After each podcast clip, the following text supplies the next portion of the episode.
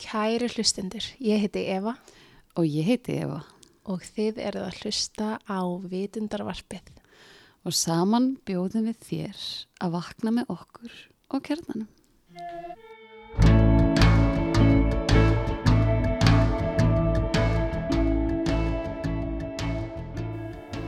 Jæja, góðan daginn, góðu gestir. Við erum alltaf að tala um að hætta að segja góðan daginn. Hérna, ertu með eitthvað betri helsu? Já, kannski bara gott kvöld. Já. Góða kvöldi, Góða nótt. Nam, við vorum með namaste um daginn sem við fórum yfir hvað þýðir, sko. Já, Í Indlandi er það svona almennt greeting, námsteg Mhm. og námskar, eitthvað halló. emitt, fyrir það sem ekki vita, sko. Þetta er svona trivja dagsins. Ég held að bara góðan daginn sé bara fínt. Já. Góðan daginn, kæri hlustundur, verðið velkonni í vindavarfi. Við erum sérst búin að fá, okkur, fá til okkur eitthvað stakar snilling í dag. Einstakarstelling. Takk fyrir. Gaman að. Geng- Gengst ekki fyrir því, eða? Jú, jú, ég er bara, ég þykk það með þökkum. Þetta er sérst Pálmar Ragnarsson, uh, köruboltaþjálfari, eða ekki, Jú, fyrirlesari, já, lífsgúrú. mögulega, sjáum til. Ok, og stundum jólasveit. Nei, Reyndar, jú, er nokkuð börn að hlusta. Öll börn að halda fyrir eirun, en jú, ég þekki jólasennuna mjög vel. þetta er ekki það. Ég hef gert í mörg ár. Mm ok, mm Þannig að ég, ég tek mig fyrir hendur ímislegt. já, svo hvað ég veit mikið um því. Hva, eh, hvað stjórnumarkastu? Ég er vók, Mm. ég er fættur Vor, sól. 8. oktober. Áttunda Þú er nýbúin að ammali. Já, Ok, 35. vá, ok, það er svolítið stóra ammali. Já, þetta er allavega stærsta afmæli með hingað til.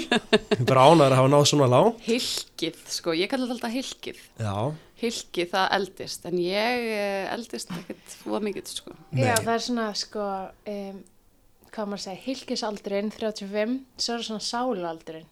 Mm já, einmitt. Um, og svo er það líka svona hvort að maður sé hér í fyrsta skipti eða bara margótt og ég hef svona tilfinning að Pálmur sé búin að vera hér ofta áður. -hmm. Á þessari jörð. Já, Já, hefur þú séð mig á því? Kanski ykkur annari, ég er nokkuð vissum að ég hef hittið ykkur tíman áður.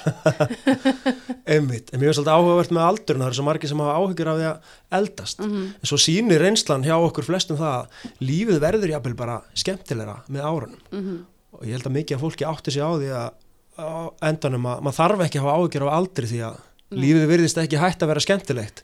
Allavega ef maður leggur smá vinnu í það. Einmitt. En hvað heldur þú að sé, okkur heldur að verði skemmtilega lífið með aldrinum? Veistu það? Ertu með eitthvað skoðanaði? eða ykkur svona kenninga. Ég veit ekki af hverju, en kannski bara eftir því meira sem maður lærir á lífið og, og skilur og veit Mhm. hvernig hlutin virka því betur getur maður nýtt sér að til að gera skemmtilegt í kringu sig og, og kannski bara minka áhugjur á móti og Mm -hmm. Því maður verður líka bara, að mín upplifun er að hérna, ég verð bara svona sáttari í s- sjálfri mér. Já, sast betur í, í sitt svona einn tilveru og svona sáttara með sig. Mér finnst Já. ég upplifa það sko, að ég er ekkert við sem allir upplifa. Mér finnst það svo gaman að eldast. Ég, hérna, uh, já, ég held að mér liði betur núna en fyrir tíu árum. já, Ykkur að segja. Já, og maður getur náttúrulega bara að tala fyrir sjálfan sig Já. en ég allavega hafði alltaf svo mikilvæg af þessu því ég er kláraði Aha. mentaskóla, bara nú er ég að klára mentaskóla Já. nú hætti lífið að vera skemmtilegt Ok, ok. Hvað gerður þér eftir mentaskóla?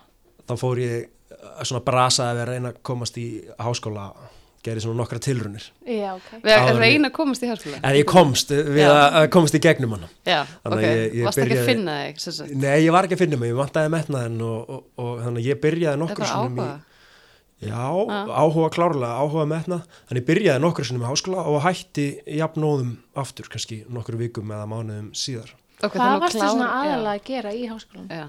ég fór fyrst, ef ég mani þetta rétt í hérna sálfræði Mm tók hérna eina önn, var ekki með nóga háar einhvernur til að komast til að ég komist upp á annað ár þannig Mm. ég, ég hérna hætti Mm. svo árið eftir skráði mig í viðskiptafræði ef ég mann rétt tók nokkra vikur svo bara kom próf og ég fann bara ég var ekki tilbúin og hætti.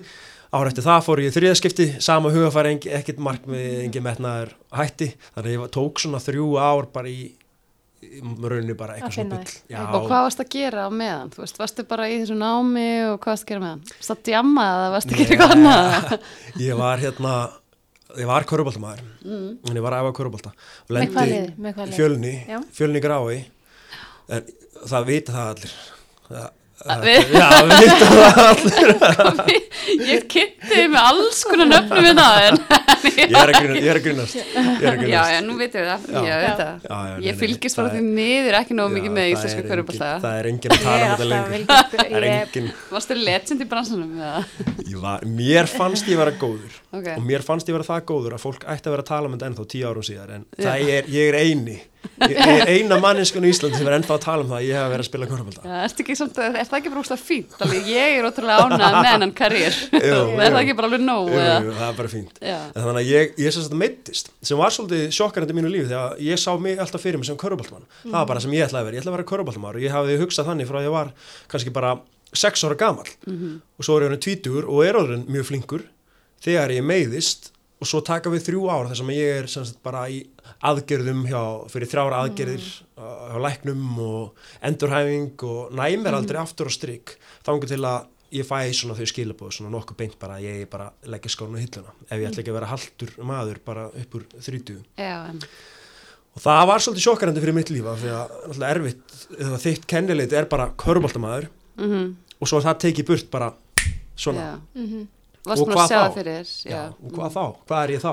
Þá var ég ekki neitt, ég var í rauninni ekki neitt. Já, þá er ég ekki neitt, sko, þetta er þetta sem að eitthvað svona draumur eru tekið frá mér þá, þetta er samt Já, svo maður er líka skemmtileg moment í lífinu, sorry, þetta- þetta eru svona, þetta er groundbreaking moment í þetta eru groundbreaking momentin í lífinu, þetta eru momentin sem við uh, vöksum, sko, Já, þetta mótar mann. Aha, að því að, sko, það er svo fínt að geta verið ekkert, Já, mér veist þú svo þægilt, ég tek hugleslur og ég klæði mig úr öllum hlutur skonum mínum. Já. Og ég er bara nothing, bara ég hef no, nothing to do, there's nothing to be, nothing to prove. Já, og það er bara svona, ah, bara svo þægilt. ég líður og aldrei líka betur. bara verið hérna, Það er bara ekki neitt. og geta líka bara einmitt þetta er líka mómentina sem er ótrúlega erfitt að vera sáttur við sjálfum sig og sáttur í einskinni og elska sig. Út af því að Já. maður er alltaf ég ætla að vera besta besta útgáfan að sjálfum mér. Jú, jú, jú, og þú veist og það er svona er, það er einhvern veginn einu útgáfan sem að maður getur elskað en hérna, ef maður elskar sig líka þarna þá er maður Það var maður að býsta góður grein. já, Já, einmitt. En, en, en sko, þetta er eitthvað svona, hér er eitthvað tragísk saga, hérna, eitthvað áfallasaga, að segja, þetta er eitthvað áfall fyrir þig. Jú, Og hvað kemur svo, og tekur við vinnast í dag, Mhm. e, þetta er nefnilega áhugavert að vita hvað gerist síðan, hvað verður til upp úr þessu, þess í dag ertu svona með stærstu fyrirlesum landsins, myndi ég segja, eða ekki, jú. Uh, á sviði jákværa samskipta, mm eða já, eða ekki, eða hva, hvað myndir þú Já. kalla þetta? Já, ég er að tala um jákvæð samskipti. Aha, og, Mhm. og þú fórst í sálfræði fyrst þannig að það er einhvern veginn áhug fyrir því svona almennt, mm Mhm. auglustlega hér en hvernig leiðir, hvert, hvert fer veist, hvert fer Pálmar hérna sem er ekki lengur körfaldmaður og er ekkert? Í að verða stærsti fyrirlösur landsins. Já, og þarna var ég einfallega bara á staða sem að mér leiði ekkert allt að vera þannig að ég, ég var svona ættur að geta að spila og var ekki að finna mig í námi þannig ég var bara svolítið svona týndur. En það var samt mér svona eiginlega til haps að ég sem sagt í staði fyrir að sökka eitthvað rosalega langt niður þá kom leiti gott af þessu svona eftir á að hugsa að ég byrjaði af því ég gæti ekki spila þá fór ég að þjálfa. Fór að þjálfa börn og úlinga í körbólta Já, og í rauninni mætti segja að alltaf góða og skemmtilega sem ég hef gert í kjölfarið byggi svolítið á því að ég hafa farið að þjálfa. Þannig núna eftir á líti svolítið á það að í heildina litið þá var ég heppin að hafa byrjað að þjálfa og ég hefði ekki byrjað að þjálfa ef ég hefði ekki meðst Einmitt. þannig ég reyni svona að líta nota eitthvað svona þessa gjöf. hugsun til að finna svona góðu hliðin á þessu þannig að það að meiðast leiti af sér eitthvað gott. Ég, sem körubaltamæður hefði ég getið gert eitthvað ákveðið mikið í gagn. Ég hefði eitthvað getað að spila í mestaraflokk og kannski landsliðinu, ég veit það ekki. Kannski skoraði eitthvað, körfur sko. En ég hefði aldrei getað gert jafn mikið gagn og haft jafn mikið áhrif og jafn mikið af fólki ef ég hefði ekki farið út í þjálfun. Nákvæmlega. Þannig að ég er bara svona í rauninni þakklúti fyrir að hafa leist út í þetta. Ég held að þetta, svona er þetta. hérna, aðri mátur sem vissi var með betra plan fyrir þig sem að þú vissi bara ekki alveg af? Þú varst bara ekki með allar upplýsingar á þessum tímum, kallið minn. Já, einmitt En aðeir mátturinn hefði kannski staðið verið að skemma með hnið og mátt bara segja mér þetta. Já, hann er er bara- vegir guðs er nefnilega órannsakalir Það er já, Það er það. Já, maður líka oft þarf að fella mann svo savaða Já, til þess að maður hlusti og fái svona fari í áttina sínum tilgangi mm já, Það þarf að fella, hefur, þú veist, þurft að fella mig oftar en einu svona í lífinu, sko. Já. Það er einmitt. Mm. En segðu okkur, og hvað hérna, sko, ég, að því ég hérna á gamla vinnstæðan mínum, Mhm. þá komst þú og varst með fyrirlestur eins og Mhm. og Og ég var svo var- í fjármálarándinu Já, og ég var svo imponeruð af þessum fyrirlestri og ég var allan tíman að hugsa bara það vantar alla sem þurfa að heyra þennan fyrirlestur en á fyrirlesturinn það vantar alla helstu yfirmennina já, þú veist, alla helstu stjórnindar sem er alltaf svo upptegnir að geta ekki mætti svona já. Það er nefnilega oft þannig að Já. fólki sem þarf mest á því að halda er fólki sem að mætir ekki. Hvað á ég að vera að hlusta fyrirleistur um eitthvað samskipti? Hvað hef ég að gera með það? Já. En uh, hvað er kjarnin í þessu sem bóðskap sem að Ég var aðeins til að heyra, þú veist, Mhm. fyrst þú byrjar, þú byrjar að þjálfa eftir að þú mittist og Já, ert mjög góður í því, ég vil meina að þú sért besti þjálfari landsins, wow, wow, ekki það að ég hef mikla reynslu komandi úr svona dansheiminum, Mhm. en það eru mikið af hérna, danskennurum, Mhm. en hérna, að því að Pálmar hann er að þjálfa strákið minn í körfi sko, hann er sjöra og ég er búin að fara með stráknum mínum og alls konar æfingar fyrir krakka og líka stelpuna mína. Og það er ekki eins og hægt að bera Pálmar saman við neitt annað sem ég hef upplifað Ah. á mínum langa, langa ferli sem Ah. hérna, e, íþróttamamma já, það er bara rosalega mörg Já, en þetta er ótrúlegt, mér finnst það að þú ættir að opna skóla og, og hérna, kenna, kenna fólki þetta. kenna fólki að þjálfa aðgæð fyrir. En hérna, Gaman að hvernig, hvernig fórstu úr því að vera þjálfari, íþróttaþjálfari, að þjálfa börn og úlinga, um, eða börn og krakka í, í það að vera fyrirlesari? Já, það, þetta var aldrei planið, þetta gerir svolítið svona kannski óvænt fyrir mig en þegar ég byrjar að þjálfa þá finn ég mjög fljótlega hvað mér finnst þetta skemmtilegt og hvað ég get haft góð áhrif á börnun og úlingina. Bara það verður einhvern veginn auðvelt fyrir mig að hafa góð áhrif á börnun og úlingina bara með því. Ef ég segi það, þá hlustaði það. Af því að ég er þjálfari þau líti upp til mín sem köruboltamanns. Ég segi það þá hlustaði og ég byrjaði svona smám saman að, bæta svona inn fleira og fleira. Ekki bara vera að kenna um drippli eða skot, meira og meira að fara að tala um einhverja hluti sem skipta máli í lífinu, bara eins og vera góður, liðsfélagi, eigi góðum samskiptum, borða og holla mat, ekki stríða, allir þessi bóðskapur og, og svo svona alltaf svona fleiri og fleiri pælingar bara taka ógeðslega rosalega vel á móti og alls konar svona pælingar sem að svo bara einhvern veginn undu upp á sig. Og var bara orðið þannig að það voru alltaf að koma fleiri og fleiri börn og æfingar, það var svo gaman og taka vini með og, og bara orðið bara full íþróttús og svo fer ég næsta félag og, og gera sama og aftur bara fyllist íþróttús að börnum sem vilja vera með og, og fólk verður svona að taka eftir þessu út fyrir æfingarnar og út fyrir íþróttliðin, svo fer ég á þriðja staðin gerist enn einu sinni bara, Er það í val? já, Já. Og bara húsið fyllist af börnum sem ég vil að æfa. Og fólk er svo forveit um þetta bara af hverju kom alltaf svona mikið börnum og af hverju líði svona vel og af hverju finnst svona gaman. Að ég var rauninni bara beðin um að segja frá því hvað ég er að gera á fyrirlestri fyrir aðra íþróttaþjálfara. Og þannig uh, byrjaði þetta. Þannig ég mæti bara svona temmilega stressaður upp á svið en samt klárlega tilbúin í slægin og ætlaði náttúrulega, ég er alveg svona inn í mér svona svolítið sjómaður, ætlaði náttúrulega að slá í gegn og held fyrirlestari sem var einfallega beðin um að segja hvað ég var að gera á æfingum Mhm. fyrir annað fólk í íþróttarhefingunni sem að þau getur kannski nýtt sér. Já. og nú er samt fullt af þessum pælingum það er fullt af mjög flottum þjálfurum á Íslandi. En þú ert ekkert mentaður sem þjálfari eða svo leiðis? nei, rauninni ekki. Rauninni er og svo hef ég haft rosalega góðar fyrirmyndir En hvað stýrir þér? Hvað, þú veist, þú veist að byrja þannig, þú veist að hugsa bara, ok, hérna, hvað er það sem að stýrir þér í þessu sem þú veist að gera? um, ég held að sé sko rosalega mikil metnaður og mér langar það sem brennur inn í mér Já. metnaður fyrir því að gera hlutina vel Ok. bara skiptir uh, svona eftir að ég komst hann í háskóla uh, eftir að ég Já. Losnaði það slen. Það er svona þessi metnaðar verið svolítið, svo, svolítið kert mig áfram sko, að gera hlutina eins og vel og hægt er. Já. og það, ég er svolítið svona keppnismar og nú, núna gat ég ekki lengur keppt í körfubólta þá langaði mig bara að keppa svolítið finna mér eitthvað annað sem ég geti verið í rauninni keppi sem var bara, mér langaði bara að vera upplasti þjálfari. Bara Mhm. í- á landinu, það var bara það sem ég langaði var bara hu- hugsunin En, en, en var það, sástu það fyrir? Var það visun, er það visun sem þú sér fyrir þér? Bara mér langar að vera öflugast þjálfari landsins. já, í rauninni Já, ég held nefnilega að það virki, sko. já, Það er bara svo leis, ég er bara að segja bara, ég ætla En að vera öflugast þjálfari svona, landsins. um, líka bara eins og við vittnum í annan, annan mjög góðan körubultamann, Mhm. Jón Arnór að ég var ekkert um að tala við hann um, um uh, bara lífið og hann var einmitt eitthvað að segja mér eitthvað svona með því að maður á að fagna hverju, hverju stíi, hverju marki og ekki hugsa svona hvað er við töpum leiknum þú veist, það var að taka það inn í svona eitthvað, eitthvað lífs, hérna, Mm. lífsviðhorf Fagna allir skilurðu litlum sigurunum. að bara já, að muna fagna öllum litlu sigurunum og, og leifa sér að fagna fyrir hvert, hvert einasta mark í staðan fyrir eitthvað svona já, en ég verið óta við að, að tapa leiknum, skilja, Mhm. í lífinu og, Ég hérna, og ég var bara veist, það náði mér bara, ég er bara svona að því eins og ég segi, ég er bara eitthvað dans-jóka típa, ég bara er mjög mikil byrjandi í svona bolta íþróttum og svona, ég bara upplifa það í gegnum bönnum minn En Ég hérna- hef alltaf þurftur alveg bara fyrir allt, sko. en ég var bara, þegar hann var að segja þetta við mig ég, hann, hann orðaði þetta bara svo vel og ég skildi þetta svo vel og þetta var bara svo magnað á þessu tímapunkti.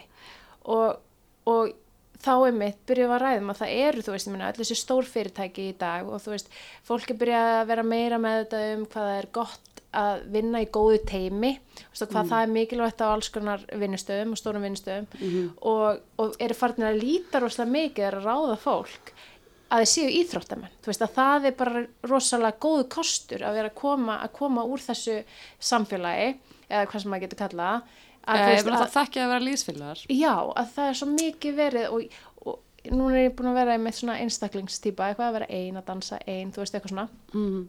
að mér veist, ég, mér veist hérna, ég oft hugsa svona okkur var ég pressuð að vera að vinna meiri í einhvern lið, skilur Mm. Vist, ég var aðeins í frjálsum, þá var ég bara eina að hlaupa Vist, rosa góði að hlaupa langt og hratt og eitthvað en hérna, þetta er svo mikilvægt þetta er svo dýrmætur það gerast það svo mikið gaman í teimi. Já, og bara allt þetta íþrótta viðþorf um, er svo mikilvægt og geggjað að koma út í eins og við vorum að tala um bara í síðasta podcasti að hvað það er mikilvægt að koma með svona þessa andlu tengingu og andlu, andlegt í Já. bara fjármál að gera og eitthvað svona. Já, mér, mér, mér þykir samt sko of mikið kapp uh, ekki stundum vera í íþróttum, þú veist þetta er svolítið fókus Já, á að vinna, það er það. Þó að menn eru svona eitthvað já, við erum nú eitthvað svona bara allir að vera með og eitthvað svona, það er ekkert þannig sko, þú getur bara glimt því, það er fólk vill vinna, skilju, það sem er komið út í svona meiri þú veist svona atvinnumennsku og allt svoleiðis. Já, Það fyrir svona, kannski eftir aldri einmitt, Já. hvað er ástæðan? En ok. hjá öllum sem eru orðnir, öllum börnum sem eru tíu ára eldri, þá er bara að vinna, Já. nummer 1, 2 og 3 og flestum sem eru yngri, Mhm. svo eins og þetta er lagt upp með körfunni hjá okkur, þá er ekki talin stig til dæmis á mótum hjá yngri en 10 ára, ok, þannig að það er ekki hægt að vinna að tapa. Ok, ok, og, og við þjálfara leggjum upp með að við erum ekki að reyna að vinna að tapa, við erum að æfa okkur, við erum að reyna að taka Mhm. framförum, þannig að hvort við höfum staðið okkur vel fer ekki eftir hvort við höfum skorað fleiri eða færri körfur heldur bara reyndu við hérna að- prófa þetta sem við erum búin að æfa, reyndu við að spila vörn frákust allt. Allt saman þannig að, já, og læra leikin og já, en ég er alveg á því að íþróttir uh, getur gert gagn bara hvar sem er, þetta Já. íþrótt og hugafar fólk lærir hérna hvernig á að tækla erfiðar aðstæðir og, og, Mhm. og erfið samskipti og, og, og standa saman og liðseild og allt þetta. Ég held að þetta nýtist allstaðar Ég er algjörlega sammála og líka bara fyrir, þú veist, að ég veit ekki, það er einhvern veginn, kannski er það bara ég, þú veist, og ég er kona og allt það, en hérna, mér er svona, ég hefði svo mikið þurft á þessu að halda að vera með öðrum stelpum í liði og þóra að vera eitthvað, hei stelpur, bara ba ba ba ba ba, þú veist, og ég kann það næstu eða ekki, skiljið.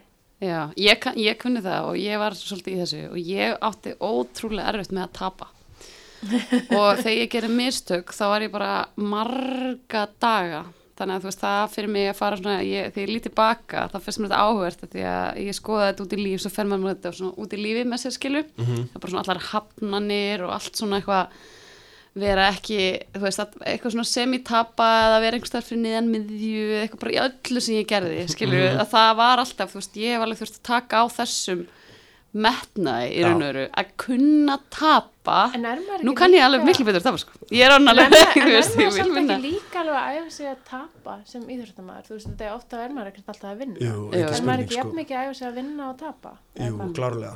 Maður vilji vinna. Mér er að tala um það er lið sem eru yfirbörðlið hérna, Mm. kannski á Íslandi sem vinna bara hvert einasta mót hinn yngjurflokkum og vinna kannski bara alla leiki bara fimm ári röð.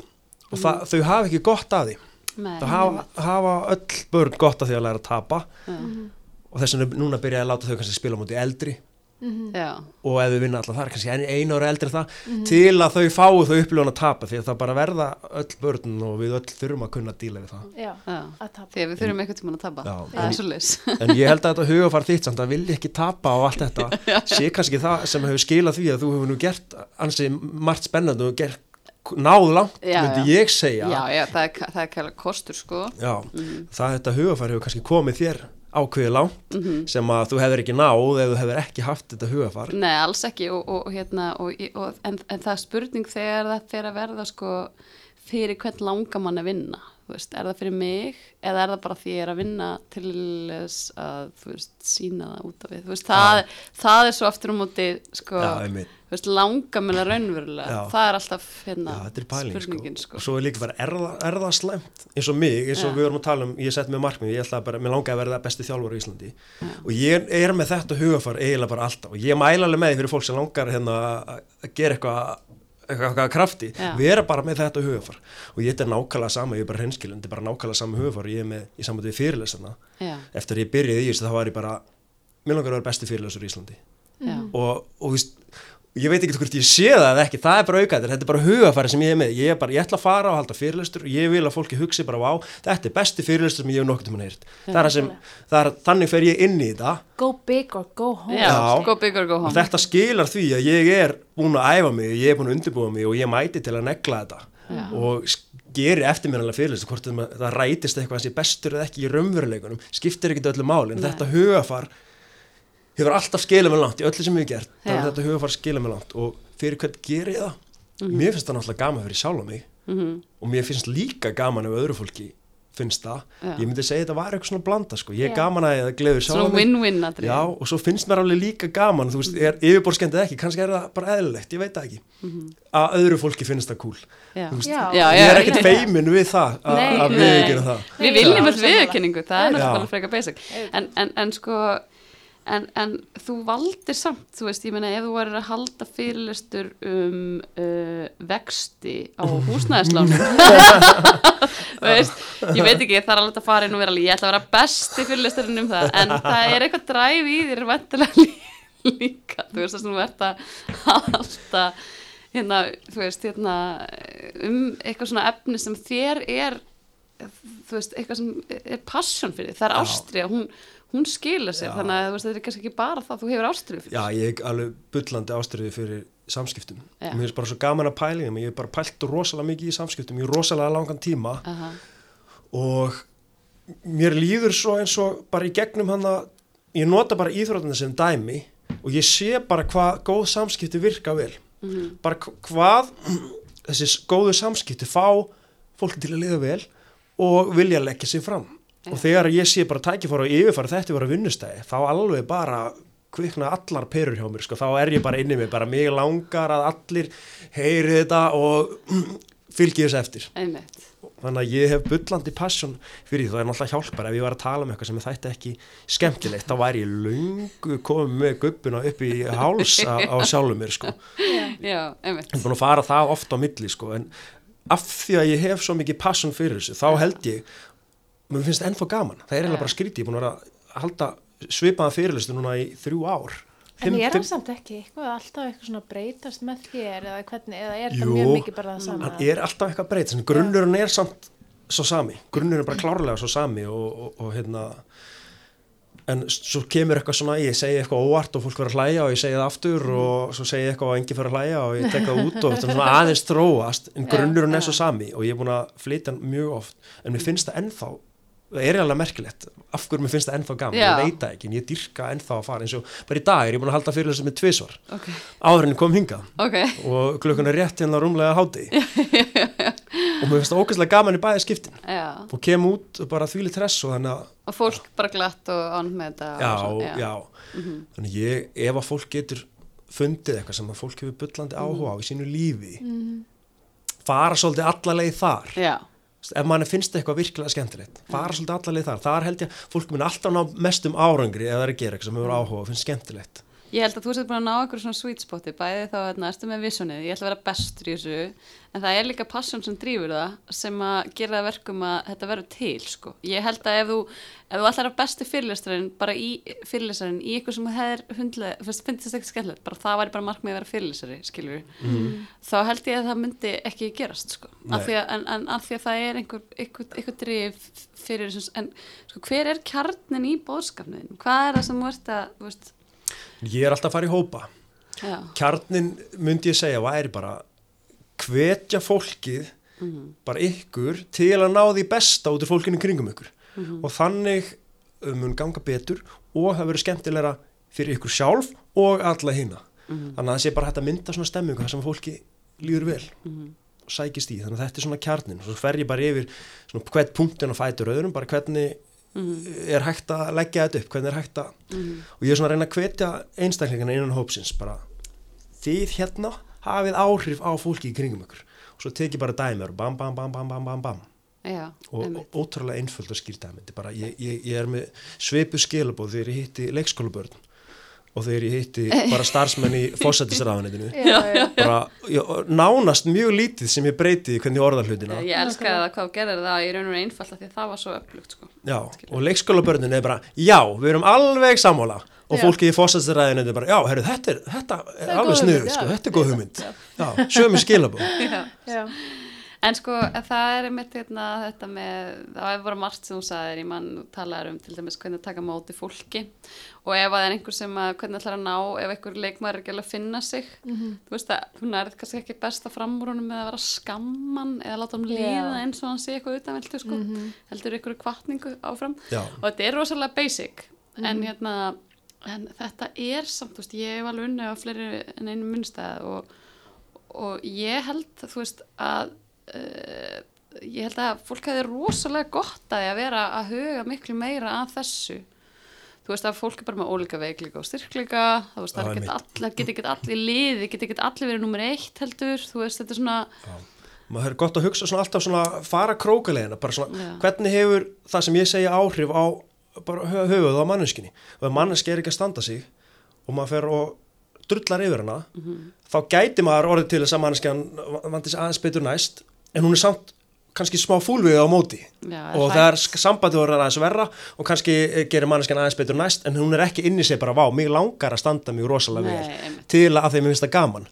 Heldur meira af því að annars verður hún eða hann reyður við mig og, og, en ef maður getur farið þá leið að græja þetta þannig að manneskinni sjálfri langi að leggja sig fram Einmitt. af því að henni langar að finnst það gaman og líður vel og finnst bara gott samband á milli þá er maður búin að búa eitthvað til sem að kannski helst lengur og svona vindur upp á sig. Þannig ég er eini, hvert einasta skipti er að vinna með fólki. Og ég, ég nákvæmlega sömum pælinga með börnin og, og fullorðinu, ég hef verið verkstjóri hjá fullorðinu fólki á nokkru stöðum líka. Já, alltaf þetta, þú veist hvernig get ég látið manneskinn sjálfur í langa að- leggja sig fram og standa sig vel? Já, það er aldrei með því að fara og drulli yfir manneskina nei.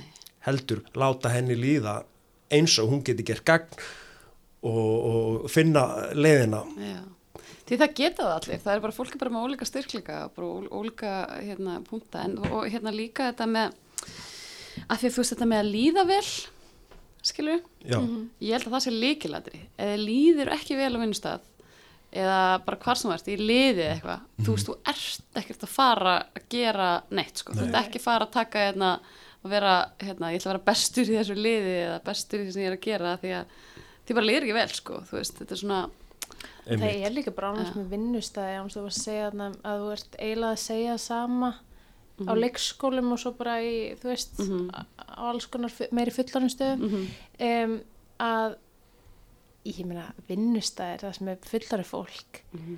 það er bara oft rosalega svipa bara ykkur sko rólóvalla stemning Já, ég meina við erum öll bara stór fullan Já. börn að rekast Já. okkurt annað sko. Já. þetta er nú bara svo Já, bara eitthvað svona þú veist, bara fólk svolítið mikið að rugglast og gleyma sér sko, einmitt. fullari fólk. Mér svolítið fyndi, ég tek svona dæmi á fyrirlistum mínum að, að bara stelpu sem kemur nýja á æfingu og, og, og svo segi ég fólkinu á vinnustanum sem er að tala við frá því hvernig við tökum á móti stelpunni og segi, til dæmis segi við þetta hérna yfir hópin, herru það er komið ný stelpa á æfingu og vitið okkur svona gaman að vera ný stelpa í val í köruboltanum af því hérna þá vitum við, og stelpunum bara nei, ný, hittir maður alltaf í körfuna. Stelpunum bara nei, já við vitum þetta þess vegna hjálpum við bara nýjum stelpum og skömmum maður aldrei. Svo því fólki, af hverju haldið að ég að segja þetta? Af hverju er að segja þetta við börnin? Og það er svona, hm, já, byrju, hm, já, byrju, hm já, til að það er fara eitthvað skammi nýju stelpuna. Ég bara nákvæmlega. Já. og hvernig er þetta stundum á vinnustöðum því að það er bara mjög þekkt dæmi. Það kemur ykkur nýri hann á vinnustaf kann ekki alveg alltaf sama einhvern sem er búin að vera hann í fimm ár sem er frekar basic og fari kannski bara drullulega yfir sig bara nákvæmlega sama og, gerir stundum hjá bönnunum og fólk svona, já, já, þetta er, við ætlum kannski að hafa þetta í huga. Það nákvæmlega. Var einn af jógakennarum mínum eða einn af kennarum mínum sem sagði einmitt við var með þessa kenningu sko. við erum bara börn. st- bara stór börn sem erum bara að rekast á hvort annað eitthvað svona að reyna eða ykkur um samskiptum og reyna að láta eitthvað ganga. Þú veist, þannig að og mér finnst það oft hérna bara mega mjög mikið senn sko. mér finnst stundum fullorðni bara að vera að minna með þetta en börn sko. Og svo er þetta líka svo ofta, þú veist, ég meina við erum að læra samskipti þegar við erum börn, þú veist, þá er verið svona að setja fókusin á að við erum að læra samskipti. Og þú veist, það eru fóreldramanns sem eru fyrirmyndinar, það eru íþróttaþjálfarar, það eru kennarar, það eru þessi stóru áhrifavaldar í lífinu sem að kenna okkur samskipti. Svo verða alls konar eitthvað trauma, eitthvað áföll eða eitthvað fullar fólk sem er ekki að standa sér nógu vel mm. sem að vantar eitthvað á einhverjum sviðum í samskiptum og þá lærir þau ekki það. Og svo heldur þau því áfram alveg þangað til þú læri það þannig að þetta er svo mikið það sama og maður getur verið rosalega klár fullarðin kona intellekt þess að tala um þá svona já, í bara, huganum já, klár. bara klár, alls konar klár Alls og konar bara klár. verið komin svolítið langt og bara verið rosalega góður í, í kannski samskiptum á, á hérna, hvað maður að segja, þú veist, einhverjum basic samskiptum á vinnustadi eða þú ert rosalega góður kennari eða eitthvað þannig eða góð sérfræðingur en svo kannski bara ákkurat í samskiptum með hittkynnið eða þú veist ég veit ekki, eitthvað svona já, tilfinninga, þú veist, Já. eitthvað svona þar ertu, bara sex ára já, að því að þú fegst, þú lærðir það aldrei að því að það var enginn til þess að kenna Nei, þér, nei. skilji Ég, ég held að- ég hef bara verið, veist, ég er bara nýbúin að vera að læra tilfinningagrind almennilega, sko. Bara, Já, það er ekkert mörg ár síðan ég fór bara eitthvað svona, byrju, ég er bara með rosalega lélega, hérna, engunni tilfinningagrind. ég hef bara aðeins að fara að taka mig á í því. Já. Já. Og það hefur líka bara verið mitt helst gæfi spór, myndi ég segja. Já. já, En það er orðin einn af mínum svona helstu skill, myndi ég segja. Ég myndi, er að vera alltaf betur og betur í því.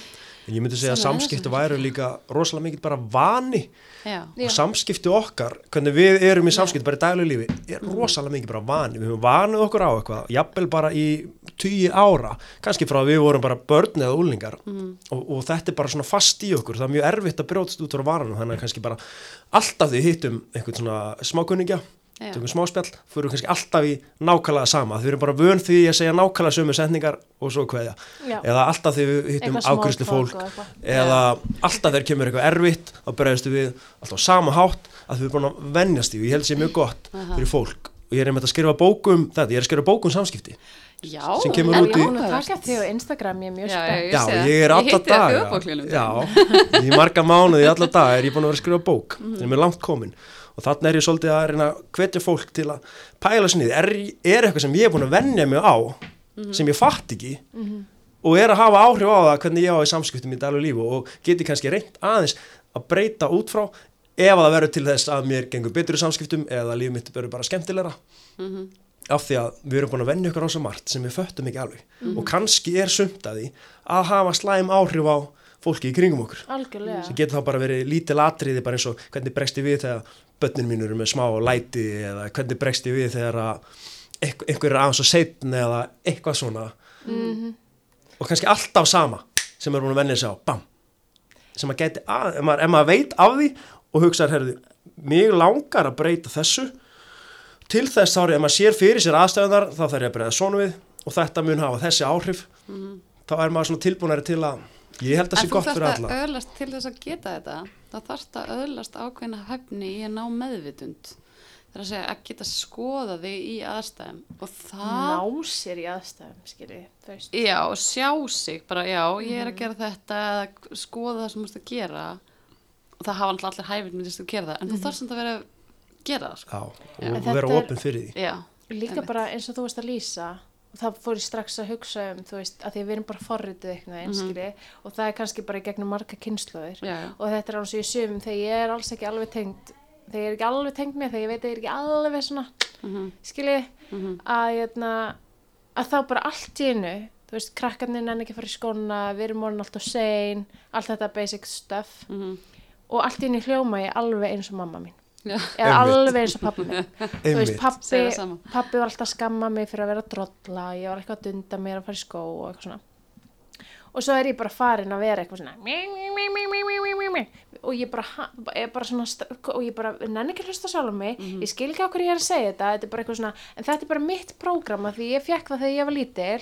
Og ég þarf að endur forrita mig ja, mm -hmm og, og ég er svona, þetta, ég er finnst það, mér finnst það svo- stundum svolítið erfitt og þetta er bara eitthvað svona sem er sko svo djúft inn í mér. Einmitt, og kemur svona ljós aðalega, einmitt, kannski í svona fjölskyldu aðstæðum, Já, mjög alg, einmitt, já, algengt með börnunum mínum og eitthvað svona, þegar það er eitthvað svona, hvernig var bara að tala um mig þegar ég var barn og eitthvað. Og ég hef einmitt heyrt, hérna, það er kannski, ég veit ekki, þú veist, þú ert náttúrulega með fullt af börnum á æfingu, í val og þú veist, en ég meina, ég aldrei? hugsað bara, nei Snappar ég snapp aldrei? aldrei, Snappar það verður aldrei gest ég hef aldrei snappað. Nei, þú stu bara, veist, bara svona, með eitthvað skill, ég var bara rosalega mikið til að vita hva, hvernig svona, hva, úr hvernig hva- hvernig, það fyrir kemur. hvernig er? Fjölskyldaðin, ég var einmitt að velta og hvernig erst þú sjálfur bara persónulega í þínum megin samskiptum? Já, ég er bara frekar vennilegur, held ég. En ég get alveg verið skemmtilegur og samt svona almennt bara fyrir ekki að vennilugur okay. fólk sem hittir mig sé mig á fyrirlestri heldur kannski sem á klikkar, ég veit það ekki. En svo er ég í daglegu lífi bara mjög vennilugur en... Hvað er að vera vennilugur? Mér finnst það svo ógæslega ég er eitthvað vennilugur okay, Ég er kannski ekki vennilugur ég er ekki að ég er ekki vennilugur Það er orðið fyrir ekki að óvennilegt að vera vennilugur það er líka hvað er það? Er hérna- það eitthvað boks? En ég hef bara tekið eftir um, það virkar ekki best að snappa. Það er ekki það sem virkar best. Nei. Þannig að ef að ég verið reyður, ég er í samskipti við barnið að úlning og verið reyður, þá er svolítið búið að slá vopnun undir höndunum á mér. Já. Ég geti verið einn í sal með 60 börn og þú hlýðir mér öll og hlusta og gera allt sem ég býðum og ég þarf aldrei að vera reyður. Um leiðu að ég er farin að vera eitthvað reyður að missa stjórn og skapin minna tilfinningum, þá sjá þau bara, já, ég bara, þetta er bara, skiptir engum máli, bara, Nei. já, já, hann er bara Það villisingur. bara missaði bara virðingur. Já, og þau bara gera sem þau vilja. Er? Þau, þau ná ekki að slá mútið lægin, skiptir engum máli hvað við gera, skiptir engum Vá, máli. svonu minn næs svo Nei, sko, og ég, ég- veit alveg að það, þýðir ekkert að snappa og ég veit Já. alveg en það, það þýðir ekki samt að ég gera það ekki. Þú veist, þegar nær mér alveg á svona, Já, Ég á bara minningar úr æsku minni þegar bara forráðamenn, þú veist bara fóreldrar mínir og alls konar Já. fólk þegar það missir, missir sig, missir þólumæðina á mér Já. þegar ég var lítill, ég man bara eftir ég man bara, ég missi virðinguna sko.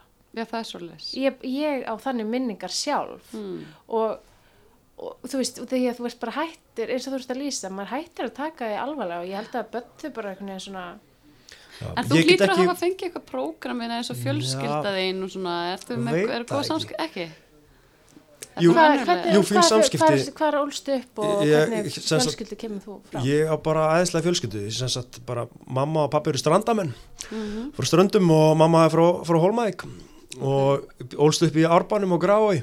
Ok, Ég myndi alltaf bara, bara svona gott stabilt heimili. já. Áttu sískinni? Já, tvö yngri sískinni. Er þú elstur? Já, en ég eh, var ekkert alveg svona þegar ég var yngri. Það hefur meira komið bara eftir að byrja að vinna með börn, bara eftir ég var tvítur. já. En ég veit ekki hvort ég get eitthvað kent á hvernig maður snappar ekki eða heldur stjórn á tilfengum sínum eða ég veit ekki alveg hvernig ég gera en ég gera mér sem grein fyrir það ef ég geri það að þá mun mér ekki gangi að vel að vinna með bönnin þannig að ég passa mig á því og ég reyni að sjá spauðulegu hliðan það gerist kannski eitthvað, eitthvað gerir eitthvað algjöra steik og ég bara ok, núna ætti ég að vera reyður, skilur við Mm. þannig ég fer að badninu og svona þykist svona smá vera bara hörru, hörru Já. eins og inni mér er ég bara fara að springa um látur ég er svona að reyna að sjá spauðulega Já. en ég veit ekki alveg hvernig maður þú veist, hvort að ég sé bara heppin já. eða bara það meðvitaður um að það er ekki það sem virkar best að ég bara og Ég það þjálfar ég að halda aftur af því að það bara, það kemur ekki út en mér finnst samt svona áhugavert ef við fyrir aðeins í já, sem við vorum rétt á Já. með samskipti sko, svo Já. gaman að pæli fólk hérna á Íslandi er svo mikið að æfa sig í öllu. Það er allir hérna að fara í líkamsrækt og fara út að hjóla og æfa sig í því og æfa sig í jóka og þessu. En mér finnst miklu farri verið eitthvað að pæli því að, æfa sig í samskiptum. Nei, samskipti eiga bara að vera eins og við erum. Ég er bara eins og ég er. En svo ætlum að fara að borða holt og reyfa okkur og jóka og allt Já. það, þá er aldrei að æfa sig en samskipti, nei nei, ég er bara eins og ég er. Ég ætla ekkert að pæla neitt í því. Þannig Má að ég fólk- skjóta inn einu? Af því Já, að er tala, tala svo mikið um að hérna, æfa í jóka sko. Af því núna er ég jókakennar og ég er einmitt með hérna, námskeið í jóka út af því að jóka Ég er er jógakennari. hérna, þessi, þessar stöður sem að maður æfi sig er svo bara um, 10% af jóka Einmitt. Og en, en fólk fókusera bara á þetta. Já, sérstaklega svona þeir sem eru yfirborinu í jóka mænta bara eitthvað svona að snýst allt um andlega þáttinu það ekki? Jú, þetta er snýst, þetta- er, þetta er fyrst og fremst lífsbeki sko, jóka sem sagt, svona Bara- orðið því er júnun eða sem sagt, saminast Já, bara svona þínu. öðrum og saman að huga líka líkom á sál sko. En eru þið sammála þessari pælingu að svona er almennt alveg er fólk ekki að pæla í að æfa sig í samskiptum? Ég er sko 100% samanlegar En það er svo merkilegt að samskipti eru samt mögulega stærsti þátturinn í líf okkar. Mhm. Mögulega stærri en reyfing, mögulega stærri en bara matarið, bara mér, allt. mér finnst þessi samskipti vandamál byrtast alveg ofbúslega margan hátt og fyrsta lagi uh, í samböndum til dæmis eitt og, þa og þá er það ekkert endilega bara samskiptin sjálf það er að, að fólk sé að segja satt sinn einlega sannleik komast ekki niðurstu skilur og, og hérna uh, og eiga það sem að heitir svona effektív eða skilvirk samskipti mm -hmm. raun og veru það sem að ég tala og þú hlustar og svo þú veist, talar þú og ég hlusta eða er eitthvað að koma upp, skilur heldur uh, er fólk svolítið að forðast það því það finnst óþægilegt? Það er óþægilegt. Þú veist, eitthvað óþægilegt að tala um eitthvað sem tengist tilfinningunum sínum. Og svo er þetta líka bara á vinnustöðum í vinnustöðumenningum, ég menna ég sé alveg ofbúslega mikið af vanvirkum samskiptum inn á vinnustæðin þar sem ég hef verið á.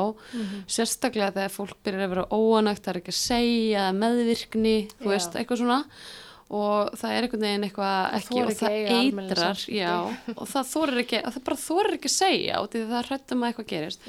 Og svo sér þetta bara, þú veist, á alþingi eða eitthvað, eða í stjórnmálum þar sem að það er enda eitthvað svona ákveði menning að myndast ákveðin keppni líka sem er að ákveði vandi í því. En, en það er ekki hlustun. Það er að segja, ég er búin að ákveða að þú hefur ránt fyrir þér og ég er ekki að hlusta neitt Einmitt. á það sem þú ert að segja, Þú skilur ert að býða eftir að ég klára að tala. svo Já. ég geti komið að sagt það sem ég er að Já, einmitt. En ég einmitt held sko að Já. bara fólk sem að pælir í þessu, segjum bara, bara meðal manneskja, einhver, bara manneskjaðin úti sem er flink í samskiptum, getur samt æft sig og orðið ennþá betri og lífið einhvern veginn, eftir því sem maður er flinkar í samskiptum, það verður einhvern veginn allt auðveldra. Bara Já. færri áreikstrar, fleiri lausnir á vandamálum, skemmtilegra, uh, skemmtilegri hlutir gerast í kringum hann, maður getur búið til fleiri skemmtilegra aðstæður, bara með að vera flink í samskiptum, þá getur lífum hans orðið svo bara svo gal opið af skemmtilegum hlutum. Einmitt. og ég þess svona er svolítið að hvetja fólk bara til þess að æfa sig í samskiptum, alveg sem maður æfið sig í því að, að hlaupa eða Já, hvað sem það er. er mjög Þetta er líka bara æfing, maður er ekkert að fara að mastera þetta og Nei. maður getur gert mistök og það má gera mistök í Já, samskiptum. einmitt. Og Það maður- er það sem við Og það er Einmitt. líka í lagi að segja, heyrðu, núna er ég bara að æfa mig. Já. Já, Ég er bara að æfa mig og mér finnst það svo gott að segja við sjálfa mig og segja við aðra. Þú veist eitthvað, þú veist, núna er ég bara að æfa mig í að segja það sem mér finnst.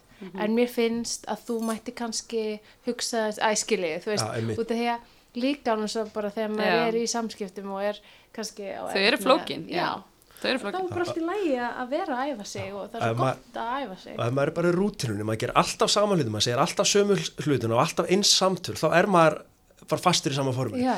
En maður verður kannski að prófa og verður svolítið ófeimið við það að fara kannski bara út og gera eitthvað nýtt, segja eitthvað nýtt, gera eitthvað aðeins öðru sem vera svolítið skrítin eða Já. þó maður segja ekki einu sinni bara og ég sjálfur, ef ég tala bara fyrir sjálf Ert þú að æfa þig ykkur samskiptum? Já, og ég hef gert það bara í, nánast allt mitt líf eftir ég hætti að vera, eftir ég stegi út úr feimninni sem hrjáði mig því ég var rúlingur Ok. þá hef ég bara stundað það að, að hérna, ég kalla aldrei að æfa mig í samskiptum, ég var bara að gera sem ég fannst gaman, sem var bara að fara og búa til einhver aðstæður, þannig ég hef örgulega upplifað allar mismunandi aðstæður sem eru til í samskiptum, bara með því að fara til fólks og eiga, segja ekki bara alveg það sem að allir segja, heldur bara búa Já. til einhverjar skrýtnar aðstæður eða bara segja eitthvað fyndið eða eitthvað öðrisi, bara breyta til, hilsa öðrisi, kveðja öðrisi og þannig hefur maður öðrust á mikla reynslu þannig í dag er svona rosalega lítið sem getur slegið mútið að læginu það, bara, þú veist, það getur nánast ekkert komið upp sem maður myndi slá mútið að læginu af því ég hef upplegað bara svo rosalega margar aðstæður.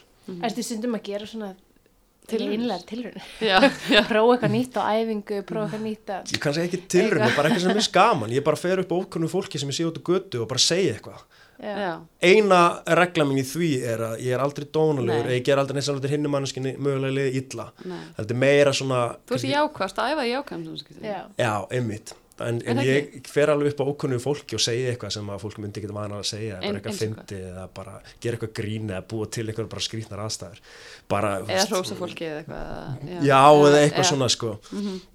bara ég, til dæmis bara, ég fer Já. alltaf út í búða að segja eitthvað fyndi í, í, hérna, eða sem að mér finnst fyndið afsakið Í já, eitthvað Í grín kælunum. Bara, já, eða bara eitthvað Hvað svona ætlað þú að bara, kaupa þetta jógurt? Já. Já, Hvað finnst þér um það? að eitthvað, eitthvað svona sko Ég, reyndar, ég held að þetta sé, hérna, og þetta með, að því að þú ert ják, þú ert, þú ert náttúrulega mjög jákvæður. Þú ert í uppbyggilegum, samt, þú ert að hvetja til uppbyggilegra jákvæðra já, klárlega hugafars og samskipta, vantilega. já, En vinnur í því líka, svona jákvæða hlutanum, að því að mér, mér þótt sko bara þegar ég fór að vera svona, ég þurfti að breyta forritinu mínu, það var, nei, sko því að hugurinn virðist eðlislegt leita í að vera Meira neikvætt. neikvæður.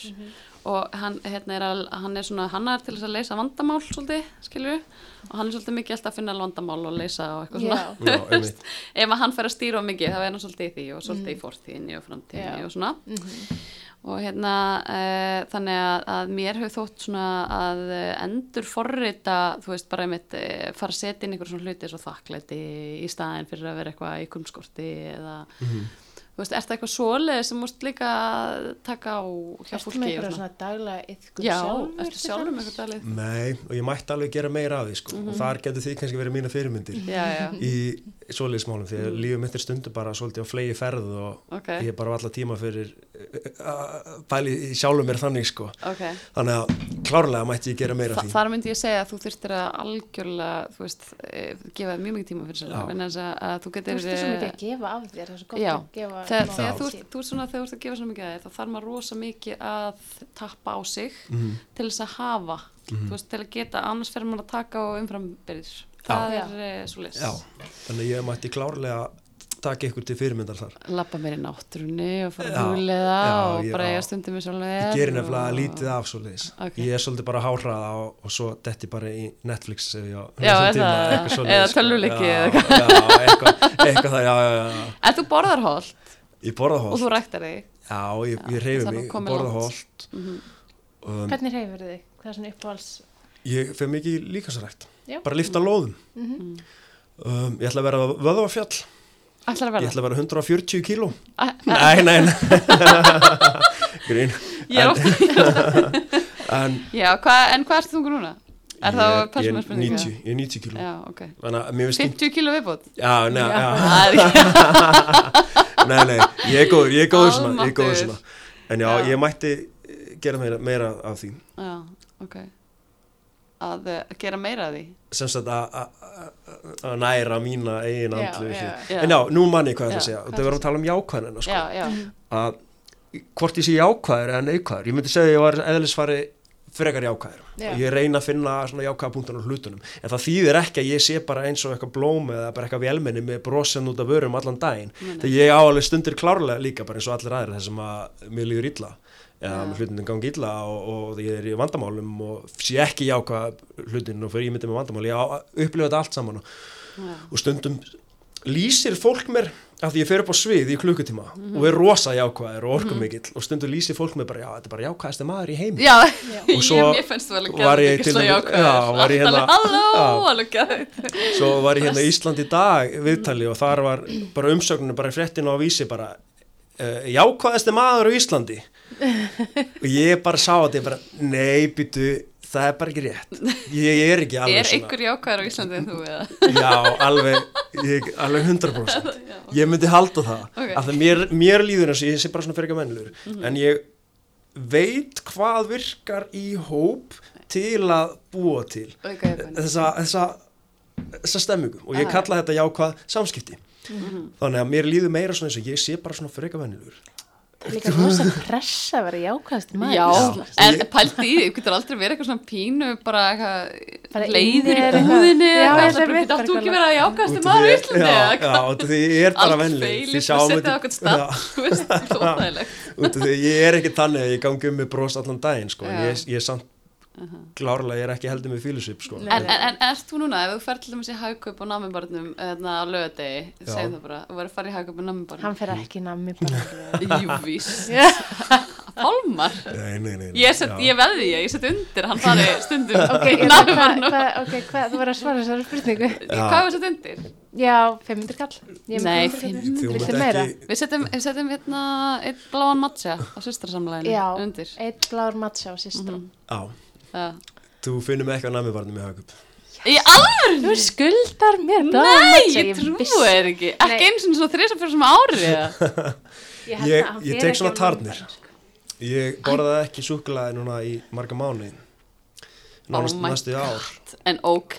en ég elska það, ég er fíkill þess vegna hætti Já, ertu sykurfíkill? já, ég er fíkill sko. Ertu fíkill líka annað? Við erum sko mikið að ræða fíknina líka, sem er að því að Svona við notum það rosa mikið fíknihegðun til þess að já. E, flýja, til dæmis vanlíðan. Já. já, og ég myndi segja það, ég borða sigur þá lífið mér betur, Já, andlega. Og, og hérna, minnst lífið leiðilegra því ég borða ekki nammi. Og ég held að fyrir mig sé sigur fíkn af því að ég hugsa um sigur þegar ég á að að hugsa um það.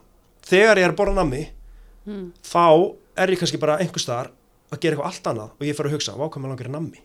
Þá hugsa, þetta lítur að vera fíkn, ég hef verið sko á djamminu og það áfengi kallar ekki neitt á mig. Nei. Bara ég Drekk- bara- Drekkur ekki? jú, ég En- drekk áfengi en, en ég bara er- heppin með það, já. það kallar ekki á mig Nei, nei, nei. ég fæ mér kannski eitt bjór og mér langar ekkit endilega meira en ég hef verið á djamminu, Mhm. bara á dansskólinu og hugsa bara, vá hvað mér langar í súkulega Já. og bara farið í sjoppuna hann á lögumveginu sem er hann að lúan og keitt með súkulega Og farið svo aftur, aftur, þá er ég bara, þetta lítur að vera eitthvað svona ég þetta lítur að vera eitthvað svona fíknihegðun Já. af því að. Það er ekkert sem tengir súkulegaðinni en allt í hennu ég fara að hugsa um hvað mér langi já. og mér líður einhvern veginn betur þegar ég bara slaufus alveg Já. ég get annarkvært borðið ógeðslega mikið eða slaufus alveg Þetta er eins og ég með kaffi. Já, einmitt. Ég er svona líka svona með Ég kaffi. næ þessu Ég er inn reyndar í með hvern fík- fíknibassara podcast átt hegðun. fyrir gefi en það er bara þetta er fíknhæðun mín sko. Ég er með marga þú fíkniefni. titrar líka, maður séð þú er titrandi hérna En já, er þetta er drekka, hún er hægt að drekka kaffi. Ég held að sé þrýr mánuðir, sko, en þetta er líka bara, ég þóri ekki að fá mig kaffibóll núna þetta er núna eitthvað svo. Það er Það ég er hægt að svo la- reykja. langt séðan þú ert búin að fá í kaffi og getur alveg fengið eitt bolla og svo bara finnur að það er ekkert næst. Ég myndi, ef, ég, ef ég myndi hægt að drekka kaffi þá er það bara svona hægt að drekka kaffi og myndi ekki með að snerta það, sko. Já. þú veist, Þetta ég er er alveg kaffifíkil sko. Já, eitt sopi og þá langar maður helmingi meira í næsta en áður maður fekk sér fyrsta það er bara Er þannig. það ekki líka máli? svona í kaffinu, Nei, eða? með súkulega er í já, bara ef þið myndu gefa mér eitt svona lítinn svona konfettmóla. Þá myndi mig ógeðslega mikið langa að fara að kaupa mér meira og ég myndi örgulega gera það. Já, myndi þú, ertu, varstu svona, þú veist, þú keiftir þér bara ógeðslega mikið og hám og borðaði það allt. Já, allt, Það var svolítið. bara þó að maður er illt í maðanum Það bara og með haus, sigur haus Já, sko. já, af því að ef það er til þá Ef klára það, ég ef það það er til, þannig að þú getur ekki átt nammi heima þér. Nei, nei, nei, nei, nei, nei. Nei, það, nei, ok. Ég fann Já, stundum ok, að við þetta er klára stundum á definition leiðinni heim. Ég er svona, ég get verið sko með hérna, eitt svona lítið, bara lítið súkulæðstykki og ég get átt það í viku sko. Já, ég á ekki alveg átt súkulega líka. Ég er bara eitthvað. Þú þá ekki vantilega með sömu Við erum örugglega bara með mismunandi gena Það er eitthvað sem orsaka það að En það er líka bara, ég maður leitar í mismundi fík, þú veist, og það er eitthvað eitt sem að þetta er fíkn Það er svona drug of choice, eitthvað- við kallum þetta drug of choice. Það er að segja að sigur er þitt drug of choice, en það getur vel verið að þú myndir sko flytja fíknina, eða svona fíknibasar er persónulegi, eða ég er allavega þannig, Mm. þá flyt, getur flutt bara fíknina þína. Þannig að segjum bara að ég myndi hætt borða sigur, þá myndi ég bara fara að borða úrslega mikið snakk. Já, einmitt Eða, eða hérna fluttana yfir í bara áfengi, eða veist, eitthvað skilur. Já, einmitt Eða kaffi. kaffi. yfir í eitthvað jákvætt, skilji. Já, og það er sem er challenge er að segja bara ok, það er, það er, það er sko kostur í að vera fíknibassar persónulegi líka, Já. vegna þess að þeir eru vilt svolítið svona, það gera hlutina svolítið bara gránt og almennilega og leggja svolítið fram í það þeir finna eitthvað sem þeir elska sko Mhm. og, og þá er það svolítið að kanila þessa orku eða ná að fara með hana í eitthvað sem er svona, þú veist, positífara Hvernig var maður að flytja svona eitthvað jákvæð eins og með sigurfíknarna mína? Ef, ég hef aldrei náða að flytja hana yfir eitthvað holt, ég hef aldrei verið á, á jamminu og Bara dansa við sæta stelpu og verið bara verið mjög langar að fara út og fá mig svoðið egg? Það er bara aldrei komið í hugan á mér. Aldrei nokkuð tíma. En það er alveg bara svona, sæt, stelpa, súkulega, ég vel súkulega. já, Það er ótrúlega magna, verður eitthvað, ég dansa eitthvað sætangur, ég myndi aldrei vera að dæsa sætangur fyrir að hugsa um að borða, þú veist, ég hef kannski verið bara í miðjum gaurring ég, ég man það Já. ekki nákvæmlega. Og það er hvað, mér langar í súkulega. Svo ekki, nei, en, en uh, það er alveg hægt að gera, en sko, uh, lausnin við þessum við fíknirnar er ekkert endilega kannilega bara eitthvað svona jákvætt þó það sé ein, en það er yfirleitt eitthvað undirliggjandi uh, tróma Já, já. eða eitthvað svona triggerar Mm. sem að hérna uh, er eitthvað sem að við erum svolítið að og um vanið okkur á að tækla einhverja ákveðna hluti einhverja x vanlíðan eða einhverja aðstæður með að leita í einhverja x sem að við gerum svo að missum svo stjórnina og getum svo ekki hafum okkur í. Einmitt. og þá er það ofta að reki tilbaka sko, ok, ég minna, að því ég er alveg með pínlega netta svona samfélagsmiðla fík líka. Og ef ég finn að ég er eitthvað svona, ok, nú er ég einmanna og, og ég finn að ég fann eitthvað með það, ég skrolla bara bara mindlessly eitthvað, þá er ég oft bara, mér leiðist.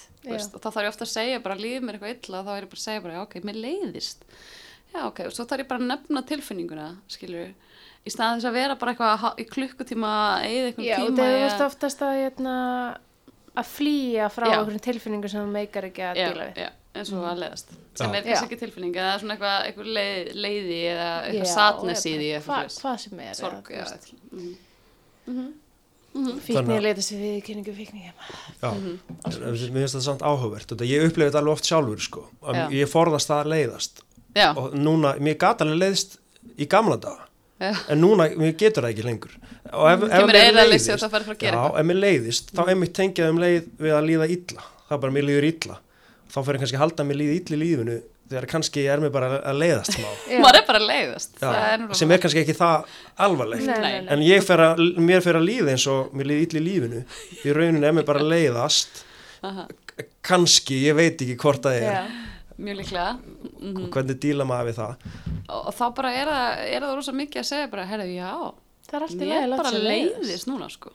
Það er bara ekki eins gaman hjá mér að var fyrir tímum eða eitthvað. Já, og það er bara allt í læg og það Já. er bara slæg Já, veist, og, og að hérna, stundum fer maður að akta út á svona mm Mhm. -hmm. verri hætti heldur en að eh, vera á samfélagsmiðlum skilur, eða þú veist, Já. eða hérna eitthvað dæmi, en, en, en það er svo sem ekkert eitthvað hræðilegt en, Nei, nei. hérna, En það er bara svo holdt að, að þekka þetta. holdt að þekkja Já. sjálfa sig og, og það er það sem að við erum svolítið að fást í hérna, þessum þætti, við erum alltaf að tæla, fara undir yfirborðið og vera að pæla í svona sjálfsrannsóknum Mhm. þannig Já, því að allt er þetta, þú veist, því meira sem við þekkjum okkur, Mhm. því meira getum við e, séð eitthvað hjá öðrum og sem tengist í betri samskipti. Já, átt betri Mhm. samskipti. Ég meina fólk sem að þekkir bara sína kosti og galla og bresti og allt, þú veist, það er svo geggjað Já. fólk, skiljiði.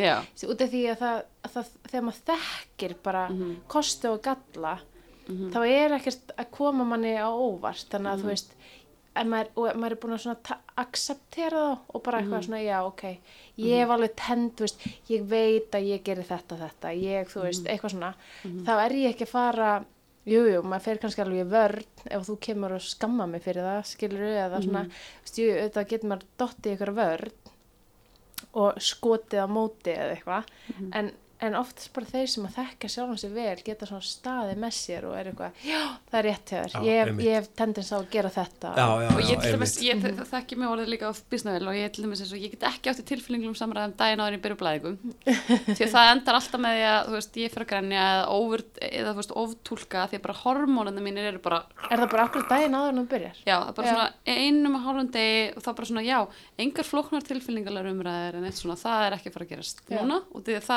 bara er er vera eitthvað svona, e, þú veist, skilur við, hysteri eða eitthvað, þú veist. En það er líka svo flott að taka ábyrð á sér þannig út af því að það er svo margar konur Já, sem er eitthvað svona, ég er bara heimileg þegar þú er ógæslega leiðileg og svo er bara á samfélagi að díla við það.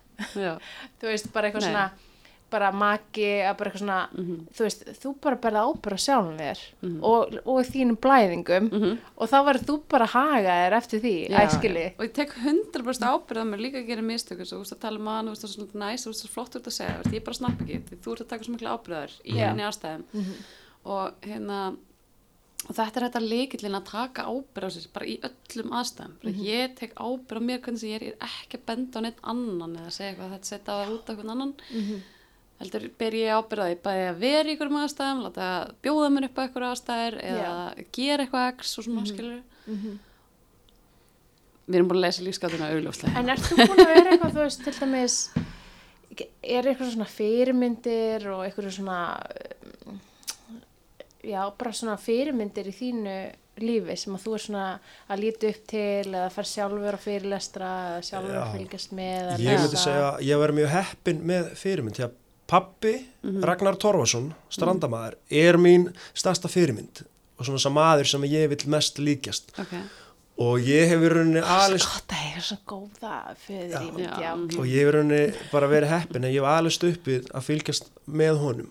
Og hann á í æðisluðum bara mjög jákvæðum hann og sískinu hópurinn svona sérstökum samskiptum við allt fólk sem það hittir. Þar sem að bara ég fylgst með þeim frá því ég var bara lítið barn. Ok. Lífga upp á tilvöruna hjá öllu fólki sem það hittir og þau myndi ég segja varu svona fimmsunum jákvæðir en ég sjálfur. Ég er svona meir eins og unga kynslaðin sem bara svona aðeins eins og unga kynslaðin er í dag uh, ef ég má kalla mig það lengur. En þau eru bara eitthvað svona ekki þau, bara- þau bara hittast og þau bara standa upp kemur ný manneskinn sem enginn þekkir. Þau bara standa upp öll upp og bara fagna og knúsa og bara hlæja og bara hver er þú og hvaðan kemur og allt þetta. Og ég er svolítið aðlist upp að fylgjast með þessu. Þannig að þaðan kemur mest af þessu, pappi var líka að þjálfa börn og ég fylgdist með honum þjálfa og tek alla góðu punktana hans til mín og reynir svo að þráða það ennþá lengra. Þannig að þetta hefur náttúrulega klárlega mótað sig. Og náttúrulega auðvelt að segja bara, njá, ég held bara að ég en það er bara eitthvað, en auðvitað kemur þetta allt einhvers staðar sem maður sér frá. En ég var heppinn að fylgjast með honum og nú reynir ég að vera eins góð fyrirmynd og ég get fyrir eins mörg börn og ég hitti. Einmitt. þannig að ég- svona smittast þetta held ég áfram. Já En En, oft er eh, þetta líka bara búið að fara í gegnum margar kynnslur. Þetta er greinilega líka og til að mikilvægt þetta, hefur svo mikið að segja eins og við vorum Já. að tala um áðan. Þú veist bara hvað maður er sjálfur vanur, hvað maður þekkir. Þannig að þetta hlýtur að hafa haft ótrúlega stóra og mikil áhrif á þig sem bara mannesku. Já. Að eiga svona sterka og góða hérna, fyrirmynd og. Já. hvernig gengur að skrifa bókina? Það gengur kemur- mjög vel, hún? nema reyndar sko, Já. eina sem gengur ekki vel er að hún átti að vera tilbúin núna ok, þannig að, ok, en þannig að meiri sig í oktober, nú er november Mhm. hálnaður, hún átti að vera tilbúin í oktober ok en svo bara er svo mikið hugmyndum sem koma og koma, ég langar að skrifa meira og meira þannig Já. ég er bara, please, má ég vera aðeins lengur má ég vera aðeins lengur, Já. en planið var alltaf að hann kemur út í janúar ok, og það stendst enn mm. þannig að í janúar kemur bók sem mun líklega heita því einfalda nafni, samskipti Já. Og ég er mjög spenntur að sjá hvernig tekið verður í hana. Þannig er ég búin að skrifa upp alveg alls konar pælingar um samskipti alveg fram og tilbaka. Og aftur einföld einmitt. sem að hafa möguleikanu því að gera líf og samskipti fólks betra. Aha. þannig að æðislegt, ég, ég er bara spennt uh, að lesa. Og við, hérna, við mætum í þú að- Já. við verðum á fremsta já, ykkur tveim eru búið ég bauði bara sjálf sko. Og ég býður líka. Já, og velkomin. En þetta er líka bara svona eins og, þú veist, að því þú varst að tala um að það er svo mikilvægt að æfa sig í samskiptum, það er líka bara svo mikilvægt þegar maður er að gera eitthvað eins og þú ert að gera. Þú ert bara búin að æfa þig rosalega mikið að vera að halda fyrirlestra, æfa þig rosalega mikið að, að, að gera þetta og þú veist, gera þetta vel. Ég líka að tala um bítlarni, þeir voru alltaf að spila okkur staður, spiluðu saman, ég man ekki. Já, þeir 10.000 spiluðu sko eitthvað milljónsinnum. 500 eitthvað tónleika áður en þeir, slói, þú veist, skilu, það var, þeir er þetta- miklu, þú veist, fólk heldur bara ekki að þeir sló bara í gegn af því þeir spiluðu einu gigi, það var ekki einmitt. Þetta er þannig. þetta Já. að mæta alltaf og gera alltaf gera sitt best og æfa sig, æfa sig, æfa sig, sig. Og það endar það alltaf í ykkur snild, þetta er nefnilega skiptir máli að æfa sig og nú. Það er eitt sem langar að spyrja það um ferð. nú Mér hefur þótt aðdanvert að mm. þú hefur verið að ferðast svolítið já, og þú ert alltaf einn bara í einhver svona, hvað, þú veist, ertu með einhverjar ferðu inn í ferðalöfum með einhverju svona hugafari eða, eða lætur þetta bara flæða? Æ, sko, þetta er nefnilega svo geggjum pæling Já, og fólk er ofta hissa á þessu að ferðast einn Ég elska að ferðast ég líka, einn. ég er Já, búin að gera þetta, elska því. einmitt, þetta er bara geggja, þetta er bara, þú getur ekki gert neitt betra fyrir sjálfa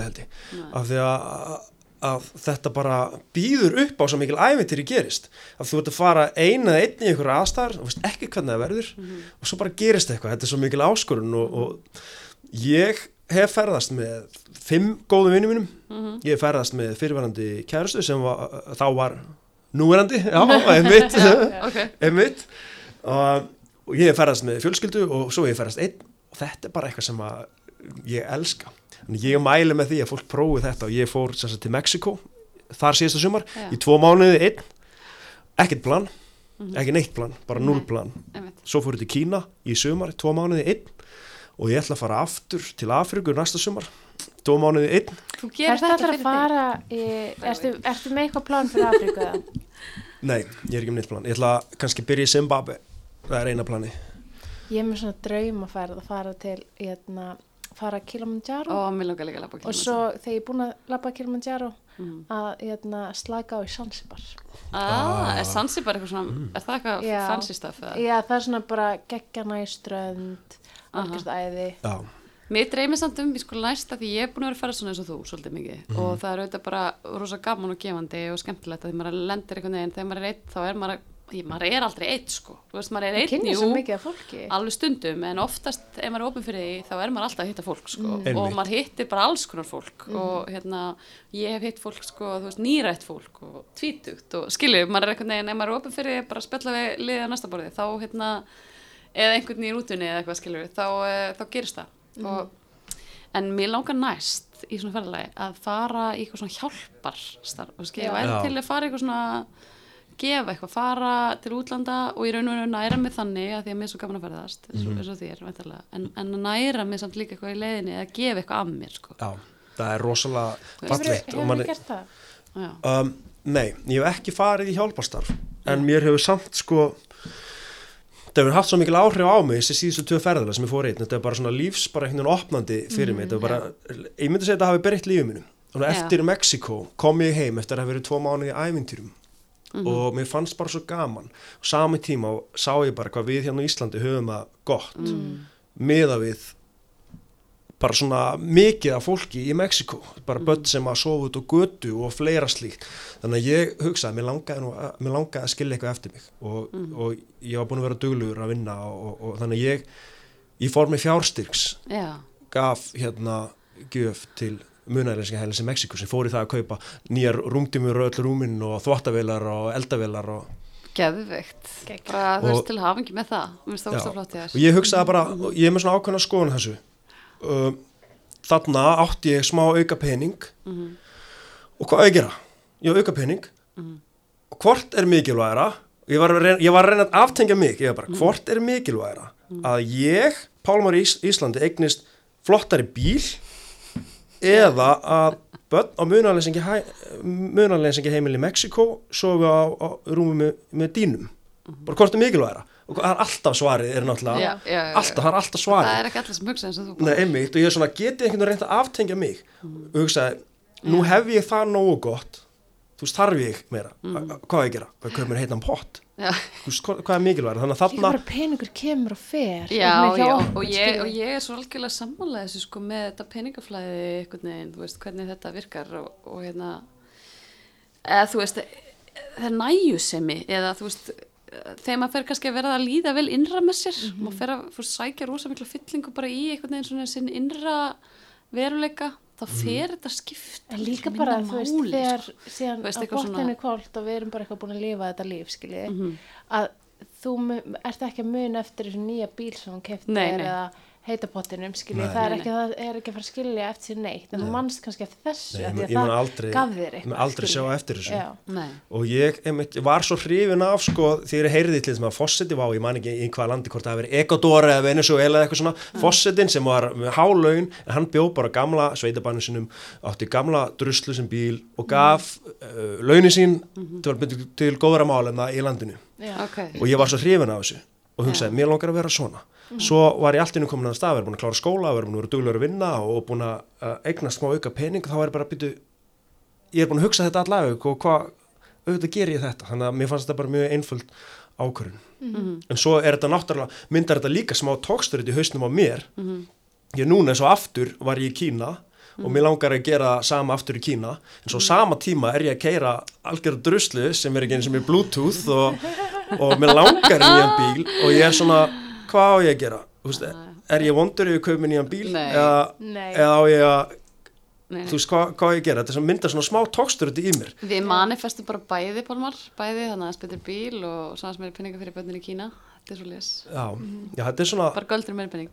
já, þetta er svona myndar smá tóksturinn svo er eitt sem ég pæli bara- Já, sem að ég sko uh, maður heyri stundum uh, maður er ekki að gefa og segja frá því maður er bara, Nei. maður er að gefa og, en þú veist, svo er fólk sem að kannski nær prófi hérna og, og segja frá því að vera íslensmestir í fótbolta en svo ef þú ætlar að gera góðverk þá mátt ekki segja frá því Ég var einmitt, sko, það var... En af því að- þetta er líka, út af- maður þá líka að hugsa, þú veist, eins og með þetta, Mm. að það er alveg hvaðan þetta kemur, skilur þú veist, Já. þú veist að gera þetta þegar þú vilt gera þetta og, Mm. og sumi gera þetta kannski bara til þess að fá viðkenningu. Mm. Og, en það er líka svo mikilvægt að segja frá því til þess að vera góðu fyrirmynd og, og svona segja þetta er það sem ég geri. Og þá fær fólk líka bara hugmyndin að gera ég- þetta líka, skilur Ég strögglaði líka ekkert maður við þetta, já, ég man, ég, við svona, ég gaf svona einhverja peninga í UNICEF eða eitthvað og, og einmitt postaði á Instagram eða eitthvað, skilur og svo að því að ég var búin að lesa eitthvað svona alls konar andli fræði það sem að var meðal þess að vera að segja þetta sem þú veist að segja, þú veist að, að, það- það er ekki þetta, veist það er egoið er bundið í það ennþá þegar þú ert eitthvað að posta því og ert eitthvað, ég segja hvað ég er góð, eitthvað, ég er ekki á peninga. Einmitt. og þannig að þessi essence sé að þú veist svona selfless, bara algjörlega selfless ég er bara að gefa og það veit enginn að því. Og, og ég er alveg með þetta en svo var ég alveg að ég meina ég kannski að skapa einhverju að hvetja einhvern eins og þú með þinn þessu mm. veist, ég gef líka alveg, ég er með, búin að með börn í ABC síðan 2004, ég er aldrei það skilur Já, einmitt. Og hérna, nema núna ég er svo rosalega góð. Og hérna uh, já, þú veist um, þá skilur, er maður að hvetja og þú gerði það þú veist, menn, þú er kvartning þá fyrir aðra til þess að gera eitthvað gott eða vekja fólk til um hugsunar um svona hluti og, og, og mér veist það líka verið að skilda fólk svo út af við að hérna, eins og þú er kannski orðin svona pínu, svona mín eftir svona mín í Íslandst seleb núna Ég veit það ekki, eða svona miniceleb ekki Þið svona, bara megi ákveða það. Veit fólk svona þegar hittir þið út á götu eitthvað svona, kannast ég ekki eitthvað við þig? Eða kemur eitthvað um slesa Já, já, það gerist nú alveg reglulega sko. Já, en veit það er flest fólk sem er búin að sjá mig á, á fyrirlistri því ég er búin að tala fyrir 30.000 manns núna. Eða bara Nó. 10% já, af þjóðinni. já, já, já. en er það alltaf hvað ekki hvað þú ert? Eða er það svona, ég verður að ég heiti eitthvað Já, já. Já. en þá er maður samt að setja set eitthvað út og maður er að gera, mér finnst þess að bara listamenn í sköpunni sinni, þú veist, ef að listamenn er að eitthvað svona samfélagslegum ádelum, að þú veist, bara svona margt svona skilju það sem verða að hveti til einhverjar hugsunar eða einhverjar breyttar Já, höfðunar mér líka sko eins og ég gef líka alveg pening, kannski ekki rosalega mikið pening, Nei, nei, en ég gef, þú veist, þótt að ég eigi kannski ekkert pening, Nei. eða skilja eitthvað, eitthvað mikinn, það reynir alltaf að gefa eitthvað Mhm. og líka bara út af að ég vil heldur ekki, þú veist, þannig að jú, ég ger það því að ég vil hjálpa og gera það sem ég get bara fyrir þá sem að, það sem ég, bara það sem ég get gert, mhm. en líka, ég er líka svona í meðvitund að vera eitthvað svona, ég, að líf mitt snýst svolítið mikið um það að ég vil ekki vera, lifa lífið þar sem að ég er alltaf í skort ástandi. Já, já, þú veist andlegu eða Mhm. hve- hve- hvernig sem það er að ég vil ekki vera í skorti Mhm. og, og þá reyni ég alltaf ég reyni alltaf að gefa og vera þakklátt og einmitt ákvæmna næði sem er líka Já, bara til þess að út af því að sko eins og bara áðan með þetta með að peningar þeir koma og fara Mhm. og þegar maður á er í vinnu sem Mhm. að maður fær bara ótrúlega hálaun þá kaupir maður sér líka bara dýrar hluti. Já, já. þú veist, ég hef aldrei upplegað þótt að launin minn hækki. Eða núna er ég eitthvað nýbyrjað að sjálfstætt og er eitthvað stopnað með degi fyrirtæki og er eitthvað uh, á ekki mikinn pening. Mhm. en sko lífsgæði mín eru einhvern veginn alltaf Betri. svona svolítið já þú veist þau eru svolítið bara alltaf sama. Þú veist það bara ég fer oftar út að borða eða ég er meira að kaupa mér eitthvað kaffi, eh, ekki kaffi þú veist, te. Eða skiljið þú veist þetta er bara einhvern veginn svo mikið hugar ástand og Já, þetta er svo já. mikið bara því meiri pening sem átt því dýrar hluti kaupir það kaupir er bara frekar sóf, sófin sem það kaupir er bara einhver mjög dýr sófi í staðan fyrir einhver hérna úr góða hýrðinum skilji, Einmitt. eða þú veist þannig að þetta er svona Mér finnst þetta svo geggjuð pæling. Já. Er fólk tilbúið til þess að, það segjum að eignast meiri penning, gefa meira af sér? Já. Eru einhver tíma tilbúin til þess að gefa það mikið að það bytni á okkar einlífi? Já. Wayne Dyer, Einmitt. hann talaði um að gefa sko, hann alltaf átti orður sem held ég svo mikið hann gaf, hann fór að lifa eftir hérna táismannum. Tzu og svona og hann gaf bara 80% af öllu sem hann átti sko, Mhm. bara en það var líka eitthvað svona orkuflæði fyrir hann sko, bara, veist, og það er og líka í þessum umhverfismálum og allir því sem við erum að gangi núna þetta með nýstlun og svona Mhm. og mér finnst lemist ég hef mitt unnið meira og verið eitthvað svona tveimi vinnum og með miklu meira tekjur en ég er með núna, þú veist Mhm.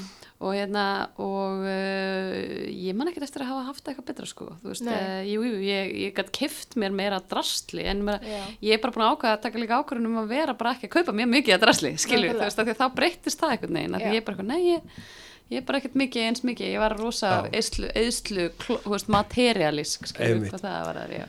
En ég er með ákvæmna skoðun á þessu sko Já. og, ég, og mér finnst í lagi fólk gerir góðverk að láta aðra vita af því að Já. ég hugsa það hvetur mögulega aðra til að gera sama Já, mhm. og hvort er betra segjum bara einhver gefi bara til að öðrum líðin svo þessi góð manneskja. Bara ég vil að öðrum líðin svo þessi góð manneskja ég ætla að láta gott að mig leiða. Já. er það samt ekki betra en að manneskja myndi ekki gera jú, jú, algjörlega. Og svo er stundum bara eins og í bóksin og allt þetta bara þessi hérna Bardamenn og Conor McGregor og svona gæður og Floyd Mayweather og þau veitir sem ekki endalasta peningum og eru svo bara monta sig af því hvað þeir eru sko að hérna kaupa mikið drasl fyrir það bara já ég eiti, Einmitt. ég eiti 100 miljónum í þessi jakkafut hérna sem eru drullu samum eins og Já. það, það sé það sem er töff Það er bara svo ótrúlega lítið töff. og það er Já. ekki töff en svo ef að þeir væri bara er herru, ég gaf hérna 100 miljónir í góðgerðarstarfsmi já hann er bara að segja þetta til að fólk halda hans í góður væri ekki samt betra ef að samfélag væri þannig að þeir voru í staðin fyrir að keppast um hverju dýrir Já. gullkeður þeir verður bara herru ég gerir þetta góðverk og þetta Já. góðverk Og svo getur þetta líka verið þessi projection eins og þú tala um núna, þú veist, þeir sem er ekki að gera, þeir segja bara hann vill að láti við út eins og þessi góður og ég man alltaf alltaf með og með Amerikana, ég var alltaf bara,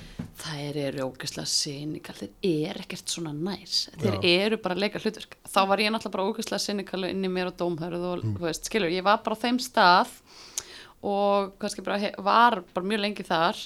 Og svo var ég alltaf hérna bara fór ég að taka upp sjálf að vera bara knúsa meira, vera jákværi, vera betri samskiptum, vera hlý í samskiptum. Og ég bjó núna í bandaríkunum, skilju og þetta er genuin, skilju, þeir eru bara já, þetta er bara leikreglunar hér. Við reynum bara að vera jákvæði í samskiptum við hvort annað, vera, í staðan fyrir að vera kallega bara veist, þá var þetta Þetta bara hver ofta- ég er stödd, skilju, alveg þess að gera fólk, Já, þetta er bara þetta svona þín hefðin er alltaf að tryggjara fólk. Já. fólk er alltaf að projekta ykkur á mann. Já, þannig að þú veist, ef einhver er sjúklega neikvæður og hittir jákvæðasta mann Íslands já, þá er neikvæðast maður Íslands alltaf að fara að hata jákvæðast já, já, já, það er bara af því að þetta er bara svona sína er allt sem að þú ert ekki einmitt. og þetta er bara alveg ég, hann trúir því ekki að að vera svona. Bara þetta er ekki hægt sko. Og svo ef ég er alltaf að tala um það ég sé ógist að umhverfisvæðin að og ég sé bara hamingjusamur. alltaf að flokka þá er bara fólki sem er ekki að flokka Nei. það er eitthvað svona, hvað hættu, þú veist, þetta er bara að bjarga heiminu með flokk, þú veist, þetta er alltaf svona þannig að þú veist, alltaf að íta okkur tau hjá fólki Mhm. teku því persónlega Aha. fer í vörð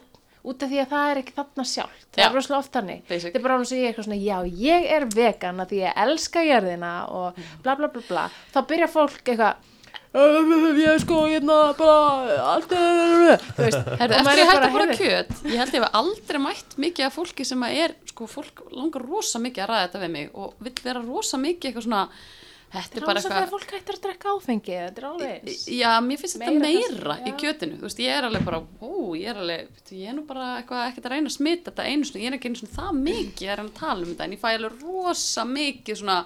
að að ég rosa fólk er bara eitthvað, þetta er bara bull og, og hérna, þetta og- er rosa og- persónulegt. Já, þetta verður rosa svona, ég er bara, ég er ekkert að, þú veist, byggja neitt um að hætta að borða kjöt, sko, þú veist, þannig að þú mátt bara borða allt ég sem þú- sitt ekki Skilur, veist, er það bara- bara að seima þig fyrir að Nei, með kjöti nei, það er bara svo fólki líði að því að það fær greinlega eitthvað sammuskupið eða, eða finnst það einhvern veginn eða það er eitthvað, þú veist, það er- verður eitthvað varnastaða. Mhm.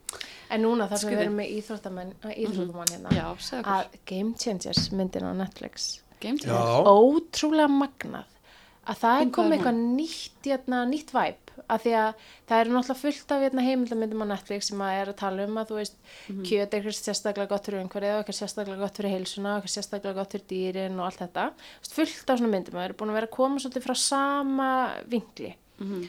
Og núna er komin mynd það sem er verið að tala um bara afbyrða fólki í íþróttum sem að borða plöntufæði Já, einmitt.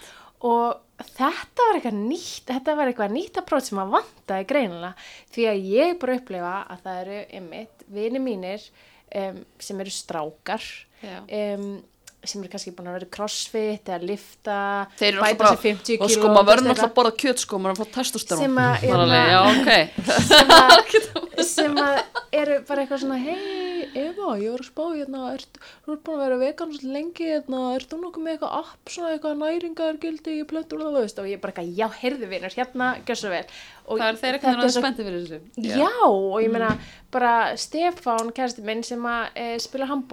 handbolta Mhm. það er bara einhverjir strákar sko ólíklegustu strákarnir í liðinu hans eru bara orðinir ve búin að vera vegan í tvær vikur og þetta er bara út um allt hérna Ó, þetta. eftir að Game Changers myndin kom Já. og mér finnst þetta svo geggjað, ertu búin að sjá Þetta hana? er rosa áhrifarík mynd. Já, Já, ég sá hana. og eina sem ég hugsaði eftir ég sá hana bara, vá, Já, Já. nú þarf ég að prófa að vera vegan Já. og mér langar að sjá hvort að ég verði einhver ofurmaður hérna eftir tvær vikur. já, Að- Prófaður það, tvær vikur Nei, nei, nei, nei, nei, svo náttúrulega bara held ég áfram með lifum mér í lífi Já, já. en, en ég samt, þetta, hún vakti mjög áhuga minn Mhm. og hérna mjög forvinnilega og áhugaverð hún setur allt fram svona mjög skýrt og maður er bara wow, þetta Já. er bara líkillin að öllu einhvern veginn svo er ég samt líka búin að sjá hérna, eins og einhver svona gaggrinni á myndina einhver svona Mhm. YouTube-vídeó það sem að vera að fara yfir og ég veit, og, þá væri svona hverja á ég á ég að taka marka á.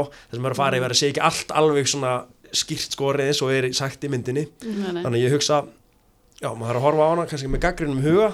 Mhm. en það hljómar samt eins og að maður getur haft bara rosalega gott að því að gerast þið vegan. Já, ég er sko ekki vegan, ég með því. fisk og hérna, og er græminsætt að borða egg og, þú veist, hérna, ost og þannig að það er pesketerið Ég er pescaterian, já, og hérna, ég borða ekkert oft fisk en ég gera það samt og, og vildi alls ekki hægt að borða ost, þannig að það nú góður, ég bara get ekki gert þetta allt, sko, þetta er ég, mikið fyrir ég mig. elskaði ost. Mhm. elskaði ost. Já, einst ég- mikið og ég elskaði kaffi elskaði ost.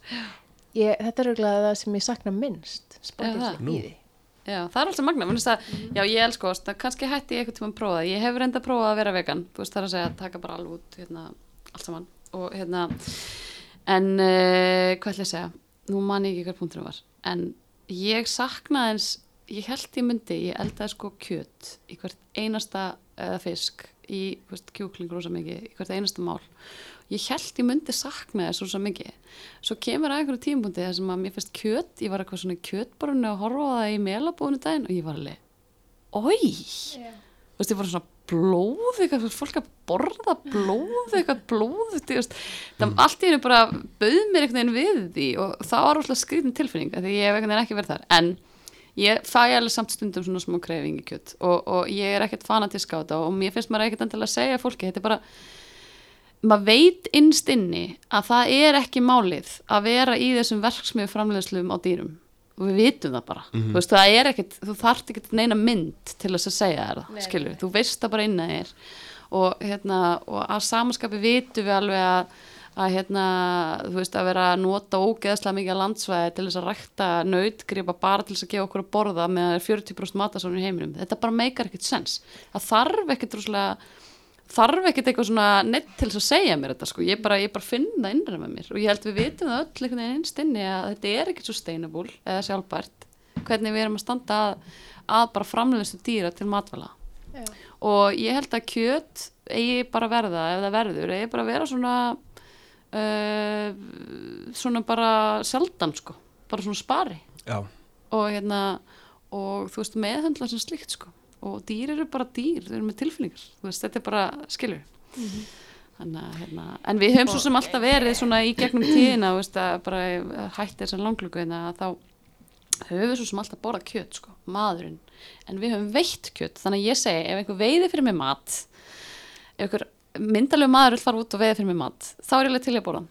ef hann veiðir hann. Ef hann hann í maður myndi veiða fyrir mig mat þá myndi ég hætta með honum með allavega ekki fara að deyta með honum sko ekki, Nei. en bara veiða fyrir ef hann hérna, myndi tína handa mér uh, plöntur og rækta fyrir mig til græmiti þá myndi ég vera hans að eilíf já, ok, það Það er er mjög sveppi. sexy. Já, Já, til dæmis. sveppu á næstu ég veit ekkert meira sexy heldur en hérna, eitt sexy hérna, græmitisbóndi það var eitthvað.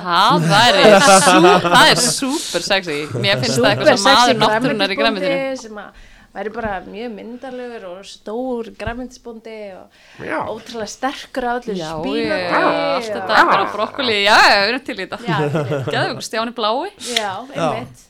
Til í þetta.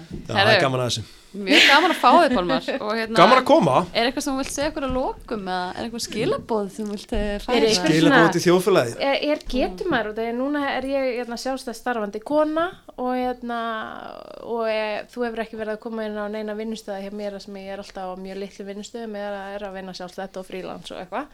Þú veist, ertu með eitthvað fyrirlestra bara svona fyrir hérna, sótsvartan almúan eins og mig og, Eh, YouTube? Sko, nei, Já, í rauninni hef ég bara farið þar sem ég hef verið beðin um að koma. Já. ok, Ég hef enn ekki beðin einn um að fá að koma.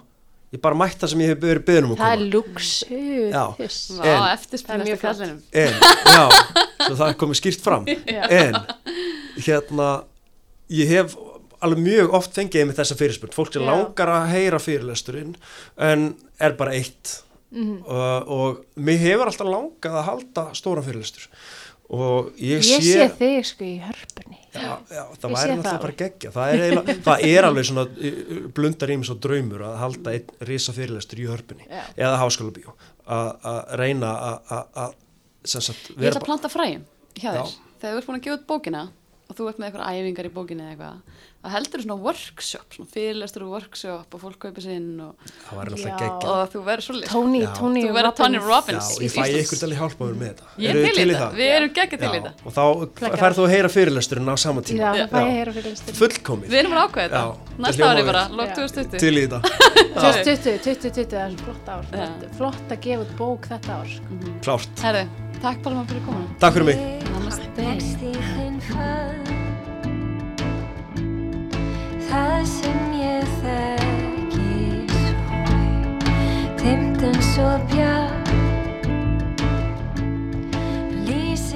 Takk fyrir að hlusta á hlaðavarp Kjarnans. Þú getur sótt fleiri þætti um allt milli himins og jarðar á vefnum kjarnin.is.